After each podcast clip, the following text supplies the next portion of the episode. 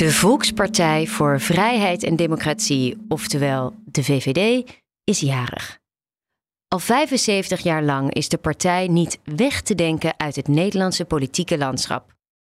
De partij van de parelkettingen en de bitterballen. Van de ondernemers en van het gooi. Van Klaas Dijkhoff en Hans Wiegel. En al jarenlang de grootste partij van Nederland. In deze aflevering vertellen we je meer over de VVD. Over de geschiedenis, het maatschappelijke klimaat waarin de partij uiteindelijk vooral groeide en we blikken vooruit.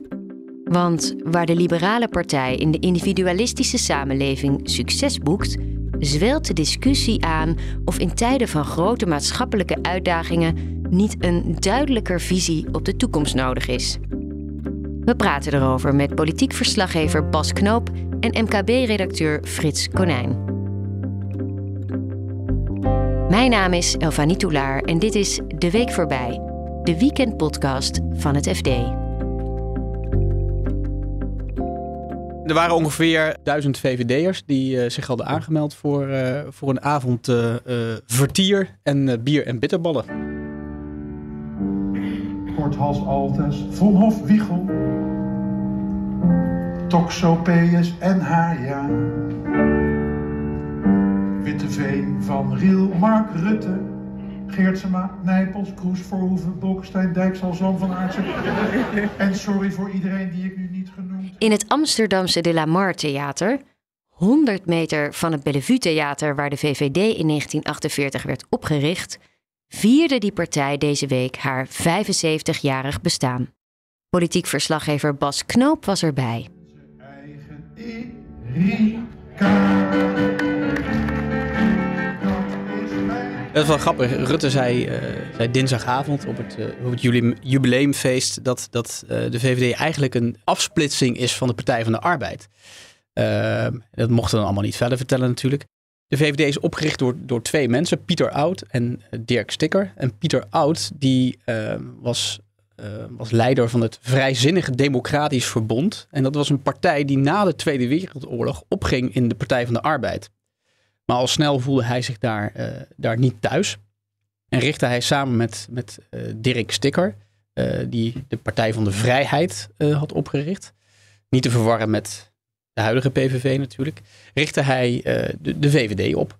Waar je zag dat het liberalisme eigenlijk in de, de 19e eeuw een hele dominante stroming was. Was dat aan het, aan het begin van de 20e eeuw en, en ook in de periode na de Tweede Wereldoorlog helemaal nog niet zo. Hè. Het waren vooral de christendemocraten en de sociaaldemocraten die de lakens uitdeelden. En um, pas vanaf de jaren, eind jaren 60 begon het liberalisme echt te groeien in, uh, in Nederland. Ten tijde van, van de ontzuiling, ontkerkelijking. Uh, dat, dat speelde natuurlijk een, een, uh, een grote rol daarin. In 1982 boekte Ed Nijpels ook een grote, grote verkiezingszege met, met de VVD. Um, en dat, dat heeft eigenlijk die, ja, door de jaren heen is dat gecontinueerd met, met, met pieken en dalen. Pieken en dalen dus. Maar de partij is sinds 2010 de grootste van Nederland. Leidt dat niet automatisch tot de conclusie dat er alle reden voor een groot feest met bier en bitterballen was? Um, nou ja, dat, dat, daar kun je een tweeledig antwoord op geven. Als je naar de statistieken van de VVD kijkt um, van de afgelopen twaalf jaar, de, de, tijd dat de, de partij regeert, de grootste is van het, uh, van het land, al twaalf jaar de, premier levert uh, met, Mark Rutte. Dan, dan kun je zeggen, er is reden voor een feest.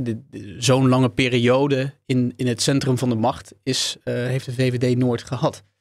Tegelijkertijd zie je dat, dat, dat het jubileum ook door, door VVD'ers wel wordt aangegrepen om eens goed na te denken van hoe staan we er nu eigenlijk voor? Eh, welke kant willen we op met de partij? Want na zo lang aan, uh, aan de macht uh, leven er ook binnen de partij wel zorgen over de koers van de partij, de partijcultuur. Waar staan we nog eigenlijk voor? Sluiten we niet te veel compromissen? is er nog genoeg intern debat binnen de partij? Dus dat zijn vragen die, die rond dit jubileum wel spelen. En je ziet ook, hè, een mooi voorbeeld is de, de nieuwe partijvoorzitter Erik Wetsels. Die is ook gekozen um, door de leden afgelopen najaar met de slogan dat de VVD weer meer een ideeën- en debatpartij uh, moet worden. Oké, okay. hij is... was niet de voorgedragen kandidaat. Hij was inderdaad ook niet de, de kandidaat die door het bestuur werd voorgedragen. Dat was Onno Hoes die een tijd daarvoor al interimvoorzitter was. Um, dus dat, dat was wel een signaal dat, dat VVD'ers vinden van um, uh, ja, er moet wel wat veranderen. Hm. En dat, dat, dat is een traject dat ja, eigenlijk al een, een aantal jaar geleden is ingezet. Klaas Dijkhoff, de voormalige fractievoorzitter van de VVD, heeft 2018, 2019 heeft hij ook een aanzet gegeven met een discussiestuk. Hè. Liberalisme, dat werkt voor mensen, heette dat. Waarin hij ook ja, eigenlijk een start zijn wilde geven voor meer discussie over waar we met de VVD heen moeten. En in zijn ogen was dat een VVD die zich vooral moet richten op de middenklasse. Uh, dus, dus richting het midden moet opschuiven, de, de, armen om de MKB heen moet slaan. En ook kritischer moet zijn op, op, op bijvoorbeeld grote techbedrijven. De armen om het MKB heen slaan. Dat is dus een van de zaken die de VVD graag wil. Maar dat is niet iets wat van meet af aan een van de speerpunten van de partij was. Collega Frits Konijn, die voor het FD schrijft over het midden- en kleinbedrijf, bracht de liefde van de VVD voor ondernemers in kaart. Toen de partij in 1948 werd opgericht, zat het veel meer aan de sociale kant, weet je. Uh, de scholing. Uh, het, eigenlijk ging het behoorlijk uh, richting Partij van de Arbeid op dat moment. En pas in de jaren 70, onder leiding van Hans Wiegel, is de partij opgeschoven naar een ondernemerspartij. Dat als je de mens zo vrij mogelijk laat dat dat goed is voor die mens en dat het dus ook goed is voor de samenleving. Wij zeggen dat je mensen moet stimuleren in het zelf doen. Wij zeggen dat je mensen moet aanmoedigen. Wij zeggen dat als iemand harder werkt dan een ander, dat hij ook meer mag verdienen. Dat is niks materialistisch aan. De visie van de VVD. Je hoort Hans Wiegel hierover in 1970. En die visie, daar komen we straks nog even op terug. Maar eerst de ondernemers. Want zitten die nog wel te wachten op de partij die zo zit vastgeplakt aan het plusje? Frits sprak met fans en verlaters van de VVD en vroeg die laatste waar hun kritiek zich op richt. Van een deel is het dat de partij niet slagvaardig genoeg is. Dat het een eh, deel is gaan uitmaken van het bureaucratisch uh, Nederland, uh, zal ik maar zeggen. Dat het eindeloos lang duurt voordat beslissingen worden genomen. En terwijl het, de, oplossing toch zo voor de hand ligt. En dan vooral op lokaal niveau is dat het geval. Voor een ander deel is dat um, de coronamaatregelen waar, veel, uh, waar, waar, waar ze boos op zijn. En dan met name de lockdowns die het MKB natuurlijk uh, veel geld uh, hebben gekost door de gedwongen sluitingen. Waar gaan zij naartoe? Als zij de weggaan bij de VVD, trekken ze dan naar één andere partij? Nee, dat zijn meerdere partijen. Ik heb er eentje gesproken, die is naar de Boer-Burgerbeweging gegaan. Eentje is naar BVNL, beter bekend denk ik als groep van Haga, gegaan. En ook Ja 21 wordt in dit verband vaak genoemd. Ja, dus de partijen op rechts. De partijen op rechts, ja. Ja, degenen die wel enthousiast zijn over de VVD, de ondernemers die je sprak, waarom zien zij hun partij nog wel als de partij voor hun? Die zien het belang van uh, coalities, uh, of die benadrukken het belang van coalities en zeggen van ja, ondanks dat ik niet blij ben met alles wat er gebeurt. Ja, in een coalitie moet je, is een kwestie van geven en nemen. En dus ook een kwestie van geven af en toe. En haal je dus niet al je punten binnen. Nee. En waarom ze wel enthousiast zijn, is dat ze zeggen van ja, in de netwerken waarin ik verkeer, uh, kom ik nog heel vaak ondernemers tegen. Ik heb bijvoorbeeld iemand gesproken uit Twente. En ik geloof dat het een stuk of vier regio's zijn voor, voor de VVD. En hij zegt van ja, in al die vier de regio's is de fractieleider, het zij een directeur van een bedrijf, het zij de, de, de ondernemer zelf. Dus toch wel een soort old boys netwerk. Met girls ook misschien. Nou, ik denk dat het voornamelijk nog wel een old boys netwerk is, ja. Um, ja, en een ondernemersnetwerk dus ook in hun, in hun visie. Daar is hij weer. De visie. Was dat niet juist iets waar de VVD zo'n hekel aan had? Dus het leek mij goed om vanavond ook in die traditie te starten. Door de olifant te benoemen die vrij stevig daar dat deel van de zaal het uitzicht beneemt. Op die olifant staat heel groot visie. Als visie betekent een blauwdruk voor de toekomst. Als een visie betekent dat we tot in detail gaan voorschrijven hoe die toekomst eruit ziet, dan verzet als liberaal alles in mij zich daartegen.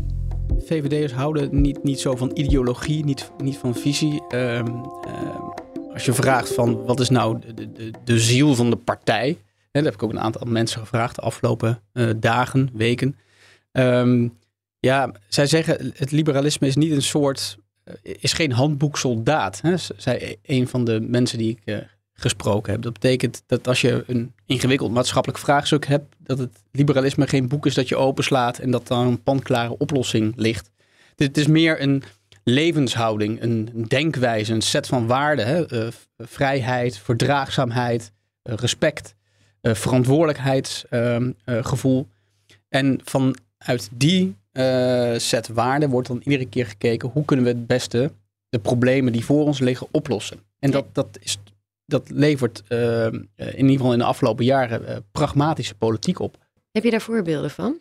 Nou ja, klimaatbeleid is bijvoorbeeld een van die voorbeelden waarin de VVD behendig meebuigt met, met de veranderde tijdsgeest.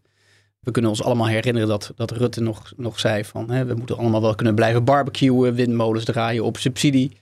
En in 2021 was het geloof ik, of 2022, zei hij dat Nederland Olympisch klimaatkampioen moet worden. En ja, dat, dat, nogal een draai. Nou ja, een draai, dat is, dat is dus uh, ook binnen de VVD is het besef doorgedrongen dat, dat een groot deel van, ehm, van, van, van de mensen uh, wil dat de politiek verantwoordelijkheid neemt als het gaat om het aanpakken van klimaatverandering. Dus zie je nu langzamerhand dat de VVD ook in het klimaatdebat een, een, een leidende rol wil gaan, de leidende rol wil gaan spelen. Sophie Hermans, de huidige fractievoorzitter, erkende dat ook. Dat de VVD nou niet echt voorop had gelopen bij de aanpak van klimaatverandering. En dat, dat zij vinden dat dat nu wel moet. Ander voorbeeld is als het gaat om, om de rol van de overheid in, in uh, economie en in de samenleving. Uh, het kabinet Rutte 1 was er was een kabinet uh, met, CDA gedoogd door de PVV. Dat, dat, dat een kleine overheid voorstond. vooral de nadruk legde op zelfredzaamheid. Ehm, dat, dat ging ook in, in Rutte 2 door met de participatiesamenleving. En nu zie je toch dat, dat in, het, in het verkiezingsprogramma van 2021 stond dat de VVD wil dat de overheid, hè, een krachtige en sterke overheid, niet per se een grote overheid, maar die ook mm, ja, ertoe bijdraagt dat de rafelranden van het kapitalisme worden, worden afgeschaafd. Dat was een letterlijke quote uit dat verkiezingsprogramma. Ja. Dus ook daar zie je dat de VVD goed inspeelt op de tijdsgeest. Ja, en als je die quote alleen had, gezien, had zien staan, de rafelranden van het kapitalisme afschaven, dan had je niet kunnen raden, denk ik, dat dat uh, het verkiezingsprogramma van de VVD was. Nee, nee, maar als je dan die discussie in die jaren eromheen uh, volgt binnen de partij, dan, dan is het vrij ja, logisch dat die VVD dat, dat, dat opschrijft. Je ziet nu alleen wel, als je iedere keer uh, meebuigt met, met de tijdgeest, pragmatische politiek bedrijft. Er zijn VVD's die zeggen van, ja, maar wat vinden, wat vinden we nu eigenlijk zelf? Ja. Uh, moeten we niet meer uh, voorop lopen? Zelf uh, ideeën ontwikkelen en, en um, standpunten innemen. In plaats van eh, volgen wat, wat, wat, nou ja, wat de consensus in de maatschappij eigenlijk volgen. Ja, de dus, waan van de dag misschien. Nou, het is niet zozeer de waan van de, de dag. Geest van de tijd? Ja, de, ja, de tijdsgeest. Ja. De tijdgeest. Ja, ja. dus dat, dat, dat, dat, met name de JOVD, de, de, de jongerenbeweging van de VVD die, die pleit er wel echt voor dat, dat, uh, dat de partij zelf weer leidend wordt. Bijvoorbeeld als het gaat om kansengelijkheid, het onderwijs, het klimaat. Aan de andere kant heb je de wat meer conservatieve uh, liberalen. Ze noemen zichzelf klassiek liberaal. Een, een platform dat in 2019 is opgericht. Um, en, het zijn ongeveer honderden, enkele honderden VVD'ers die zich daarbij hebben aangesloten. En zij vinden dat de partij juist te veel naar het midden is opgeschoven. En uh, zijn met name kritisch over bijvoorbeeld het asiel- en immigratiebeleid dat de VVD mede heeft vormgegeven in de afgelopen jaren. De VVD lijkt beschermd door een laagje teflon. Geen schade en geen schande blijft echt kleven aan de partij. En dat terwijl bij veel coalitiepartners regeren juist extreem veel pijn doet. Nou ja, kijk. Um, als je naar de, de, de, zetelaantallen vanaf ongeveer de jaren 70, hè, de, de, jaren 60, 70, de periode dat de ontzuiling in Nederland doorzette, uh, kijkt tot en met nu, dan zie je bij de VVD een licht stijgende lijn naar boven. Natuurlijk met pieken en dalen er, ertussen. Uh, bij het CDA en PvdA is het eigenlijk een dalende lijn. Ook weer met, met, met pieken en dalen natuurlijk.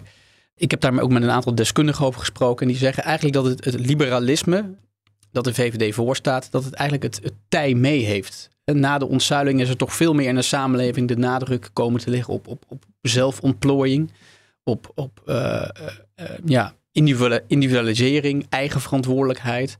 En da daar sluit uh, de politiek van de VVD beter bij aan dan het meer ideologisch gewortelde, ideologisch gewortelde politiek van de Partij van de Arbeid, de Sociaaldemocratie of de Christendemocratie van het, van het CDA mensen die ik gesproken heb, die zeggen natuurlijk kan de VVD uh, hè, mogelijk bij een leiderschapswissel. Rutte gaat ooit gaat hij een keer uh, het beltje erbij neergooien.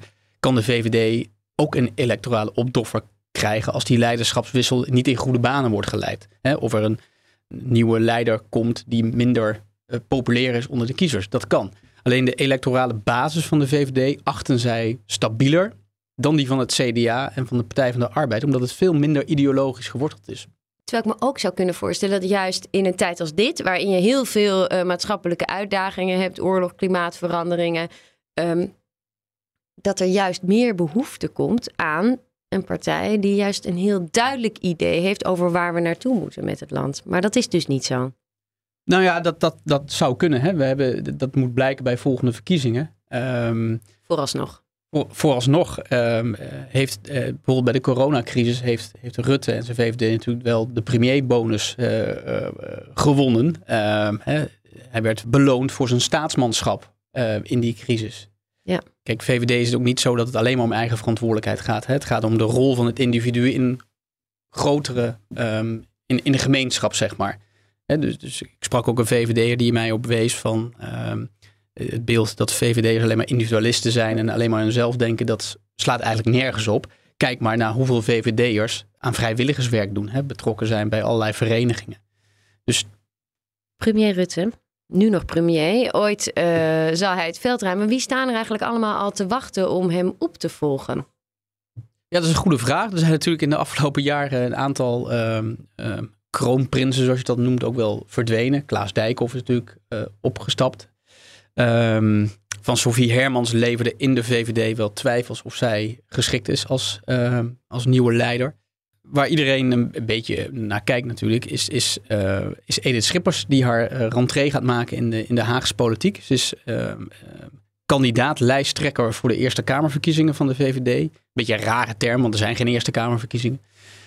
die Eerste Kamerleden worden gekozen namelijk door de provinciale staten. Getrapte verkiezingen. Maar goed, uh, iedereen benoemt tegenwoordig een lijsttrekker voor de Eerste Kamerverkiezingen. Um, maar dat betekent dat zij, uh, als zij inderdaad dadelijk de fractie gaat aanvoeren in de Senaat, ook weer terugkeert in het centrum van, van de macht. Ook binnen de VVD. Hè. Zij schuift aan bij alle belangrijke overleggen. Bijvoorbeeld donderdagavond het overleg met, met de ministers, met, uh, met, met de partijvoorzitter en met de partijleider. Nou ja, um, het speculeren is al volop begonnen of, of zij inderdaad dan degene is die Rutte gaat opvolgen. Mijn collega en ik hebben Rutte einde, van, einde vorig jaar geïnterviewd. En toen zei hij, uh, maar ja, dat zegt hij al heel vaak, van uh, als je me op dit moment zou vragen, dan zeg ik uh, ja. want ik heb nog de energie om door te gaan. Maar die beslissing neemt hij pas ongeveer een half jaar voor de volgende verkiezingen. Ja, dus het duurt nog anderhalf jaar. Dat is in uh, 2025. Ja, dus over anderhalf jaar neemt hij die. Um... Ja, als het kabinet de rit uitzendt, natuurlijk. Dat is nog afwachten, natuurlijk. Dit was hem voor deze week. Dankjewel voor het luisteren. Als je deze podcast leuk vindt, deel hem dan met je vrienden. En abonneer je vooral. Dat kun je doen door te zoeken op FD de Week voorbij, waar je dan ook naar podcast luistert. Wil je reageren?